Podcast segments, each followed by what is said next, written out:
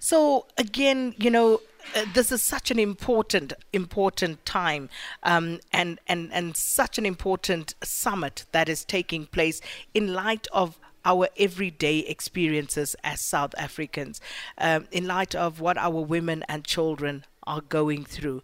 So, just with regard to the department, let's start with the department. And I, I was speaking um, to uh, Mandisa Kanyile before you, and we touched on the department and the issue of resources came up in terms of how poorly this department is resourced. Why is that? Why is there no sense of urgency given what is happening on a national level in terms of the crimes perpetrated against women and children? Why does the department still languish at the back of the queue? Um, maybe let me let me give this a base. Um, gender-based violence, patriarchy, all those things have been there for many years. I think one thing that we have we have failed to do. Um, maybe after 94, but even before, was to change the mindset. We didn't really focus and invest on changing the mindsets of people. Let me tell you, it doesn't matter where you are. If you are a woman, if you speak, the first thing that that, that people think is, hey, you know, these women. So maybe that is the challenge um, that we have. Um, also, people would ask you, what's important, water, or women, or you know, and and somebody would forget that women are the ones that fetch water. So you can't separate women from water. Many women have been raped whilst mm. fetching water and wa- so you can't say what is important uh, water needs more money than women or or roads or houses because at the end of the day all those they have to impact or their impact or they impact on women's lives so, just looking at the work that is currently being done with regard to Victim Support Services Bill, and um, the bill obviously is uh, open for public comment still. So let's talk about that because, you know, in preparation for this, I would read through and I would come across all of these things. But do ordinary South Africans know? You know, uh, how are we communicating the importance of these particular pieces of legislation and the importance of the public to come in and get their voices heard in order to help draft these legislations? Um, I think you've asked a very important question because at the national level, we do try to communicate. But the problem is that the people are at the, lev- at, at the local level. How do we involve local government to be the one that drives communication because it is at a local level and it can communicate with people who are at that local level. Government has established a, a program called uh, DDM, which is District Development Model, which looks at how do you ensure that the districts eh, are the ones that are involved in driving development, but also development will in, include communications and all those. So it's a process that we are working towards.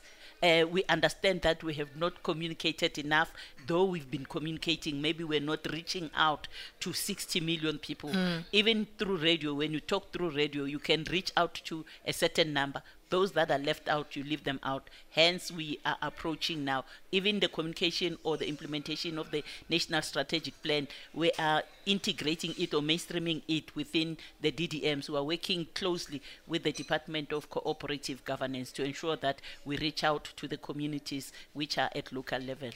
So, Minister of Justice and Correctional Services Ronald Lamula has also joined us. Uh, welcome, Minister. And uh, let me start, let me throw you in on the deep end, as it were, with regard to finances and, and, and gender budgets. How is your department dealing with that? How are you assisting in uh, trying to alleviate the plight uh, of women and children with regard to gender based violence through your budgeting as a department?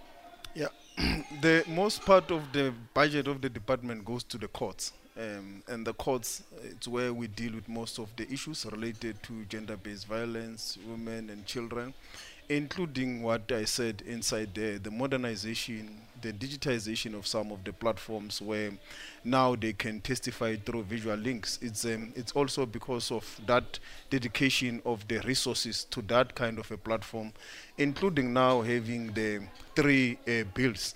Uh, the, the, the, the, the GBV bills that have just came into space, which we now have also to dedicate resources. For example, where you can now apply for a domestic violence uh, uh, uh, through a digital platform or a form. We had also to dedicate resources. So that is how we deal with the issue of resources to ensuring that the courts are functional, to ensure that where the sexual offences courts um, are, are, functional and also have all the requisite um, uh, expertise in terms of uh, social workers, psychiatrists, that, that must help them the, the, the victims in the court process. So that's how we ensure that our budget does respond to this challenge. So earlier, I um, was speaking to someone. Uh, um, it was on TV this morning, in fact, and she raised the issue of the Tutuzela care centres um, being inefficient. And I said to her, I was at the launch of the one in Cape Town with you, and all the issues that she mentioned. Um, were very well taken care of in that center. But um, obviously, what we're talking about now is that we would like to see more of those centers across the country.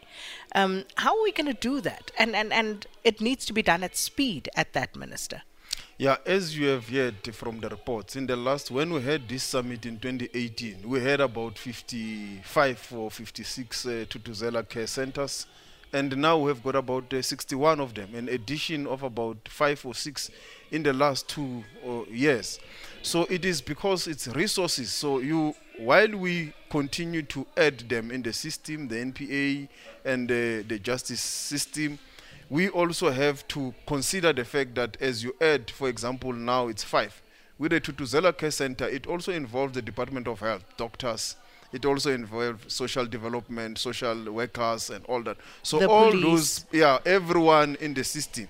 So that's why you can't just say by next year you will have 100 in addition to that. But I do think that we've been moving at an acceptable pace to have five in these uh, past uh, uh, two or three years since the last summit, which is an increase as per the demand of the summit and we continue to look to increase them each and every financial year to add so that it does not also end up uh, collapsing or burdening the system where it can no longer be sustainable mm. so that is how we have to to manage them but if you look at the development since um, the last summit and uh, taking into account covid happened and you know, there was uh, stagnation across the board. Um, one of the demands that was made, um, uh, number 16 of those 34 demands, I think there were 34 demands that were made. Number 16 uh, speaks to um, the Tutuzela care centres, and, and they outlined it as such. The existing Tutuzela care centres' resources developed and vacant posts filled. The TCCs established as places of safety and care for all gender identities, uh, be it uh, transgender. um, or gender non-conforming persons who are survivors of GBV. That was the 21st of March 2019. So at this stage, uh, are you satisfied, Minister, with the pace at which this development is taking place? And granted that resources may be a problem, I, just want to park that, but are you satisfied with the pace at which it's happening? Yes, I think um, it is done in a sustainable way. Secondly, I must also thank the private sector because we also do not have all the resources. As you go to each and every Tutuzela Care Center, you find corporate South Africa that has also added their helping hand. And it is also that corporate South Africa that has also enabled us to go at a fast, faster pace. And I do believe that with their help, um, the NPA is continuing to add more Tutuzela Care Centers. I just don't know in don't have the stats with mm. me now. But in this financial year, there will be more added. In the next financial year, there will be more. So there is work that is being done. And what they then do is that at least they must concentrate the work in areas where there is high uh, of the, there is high reportage of this type of crimes. And um, uh, uh Advocate Maleke, if I can just bring you in um, with regard to attention uh, towards uh, the LGBTQI plus community. You know, from your department's perspective, again, uh, do you believe that you are doing enough in that regard? Not just in terms of assisting where the need arises, but in terms of creating awareness and education in this regard. Yes, we do. Um, I think we we have to argue this what I'm going to respond. The mandate of the Department of Women is that it's women, youth, and persons with disabilities. So we focus on women, non binary or binary women, all. We focus on young persons, we focus on persons with disabilities. So, on the issue of um, LGBTQIs, is also the issue of human rights. So, there are government departments that have to ensure that always they raise awareness on the human rights of those. But in terms of the services, we focus on the mandate of the department. Mm. And, and and that speaks to your department as well, uh, Minister Lamula, because again, um, people being marginalized, uh, you know, people being targeted in their communities, uh, there aren't enough safe spaces for people to go when they do fall victim to some of these attacks. Yes, hence um, with the national task team, um, there was an agreement to establish a national task force by the NPA, which has got uh, all task forces uh, or task teams across the country that involves the police, the um, various role players in the investigation, social workers, and so forth across the country to respond as and when there is an attack. But that uh, platform also deals with the preventative measures in terms of campaigns and awareness uh, with regards to this type of uh, hate crimes. From our department, we have also appointed at a senior level someone who then coordinates this work with the with the LGBTQI community, including with the with the with the national uh, uh, uh, action plan forum. So those are all the coordinated works that comes from from the, the government perspective. And, and, and Lungile's just reminded me the whole the issue of uh, perpetrators of gender based violence, of rape given bail. Um, I mean, it's absolutely sickening to hear the many instances of people who were raped, uh, women who were raped, children raped and killed, people who were somehow out on bail or parole, parolees who are not sticking to their parole conditions.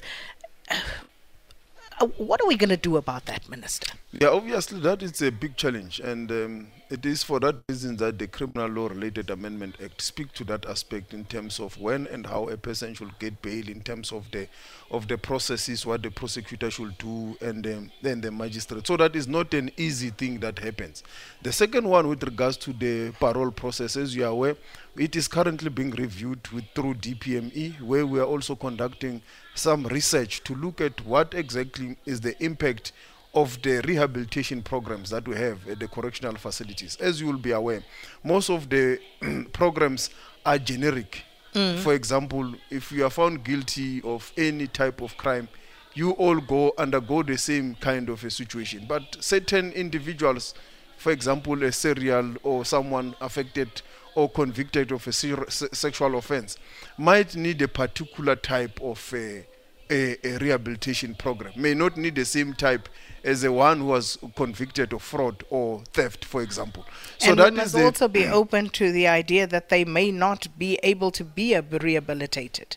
Yeah, it's also a possibility, but you have to take them through the, the processes of rehabilitation to ensure that by the time their sentence ends, there are people who are now who can be able to contribute positively to society. Because for as a reality, if someone is convicted to maybe let's say 10 years or 15 years and uh, maybe that person is at the age of 21 or 22 as you'll have seen research indicates that the the perpetrators now of these crimes are becoming younger and younger mm. so if he's younger and is convicted to 15 years in imprisonment the reality is that at some point this person might be released. So we have a duty at correctional service to ensure that this person undergoes all the processes of rehabilitation so that by the time the 15 years period or by the time he is legible for any type of release, that person has been rehabilitated. Advocate Malek, I haven't forgotten you. I just want to belabor this point with Minister uh, uh, um, Lamula because I do believe it's important uh, from the correctional services perspective. See, I take particular umbrage with people being sentenced for whatever crime they may have committed. They go into our prisons, which are horror, horror shows. And who knows what happens in there. We've all heard of the most graphic stories of what happens to people when they go in there and who knows how they come out. Surely, if you are sentenced to prison, if you are imprisoned, that in itself should not be a death sentence to you. Because then we are failing as a society. And I have been wondering, Minister, at what point are we going to do something about our correctional service centres? At what point are we going to make sure that people are safe? And, and, and, and, and I don't want to necessarily take the shine off what we are focusing on here today. But there is also a problem in our correctional uh, services facilities where people are raped, where people are violated in those centers as well. Yeah, maybe Sakina, you may want to visit the centers and have a show there dedicated, which I think could be very helpful to inform the public. The, the correctional centers, you should remember, they were they were built as prisons, most mm. of them that we have. We've got about 252 across the country. They were built to warehouse people. They were not for rehabilitation. It's only the new generation's prisons that are built to the purpose of rehabilitation. And even when you go inside, you can see. And I can count them at the top of my head, like the Zanini Correctional Center is a new one, a Standerton Correctional Center, yeah, your hometown. Your hometown. And uh, I think the one in uh, in Cape Town, Malmasbury, if I'm not mistaken. But it's a few of them. You can count them. That were built specifically to to help with the process of rehabilitation. And you will also see with the other programs the type of um, workshops that they have, which are aimed to rehabilitate. With the old apartheid type of uh, prisons, is that you just warehouse 60 people in one place. And that's and, a problem. And then these type of 60 people, then you have to also take them ourselves now because those are the majority of our prisons. We've got about 152,000 inmates across the country. So, with that type of an arrangement, 60 people in one room, the reality is that there's overcrowding, which we're supposed to take 60, it has got maybe 300 people. It, it does present a challenge for all the correctional services officials across the country to help this one individual with a program of rehabilitation. But the department has taken a posture that we have to do with what we have because we have an obligation. We can't say you can't come into prison, uh, we are full. You have been sentenced, you must come in. the department has to do with what we have and share and ensure that whatever that could be harmful to the people is minimized and we help them with the rehabilitation program. It's not easy, but it must be done. I'm going to take you up on that. Yes. And maybe we should go to one of the most notorious prisons. Maybe yes. we should go to a Polesmore and, and, and, and, and take it in there take yeah. the cameras in and go and do a show out there. Advocate Malek, uh, uh, just as we uh, try to wrap this up, sexual offences register because it's unacceptable that someone goes into prison and you know is convicted of sexual offenses comes out finds themselves in proximity to children who are vulnerable and you know who is that register even up to date who's responsible for the upkeep and update of that department of social development however the information comes from the department of justice But as a department uh, that is, um, you know, saddled with the responsibility of looking after the needs of women and children, you ought to also have quite a keen interest on what's happening with that register. Yes, through the End Gender Based Violence and Femicide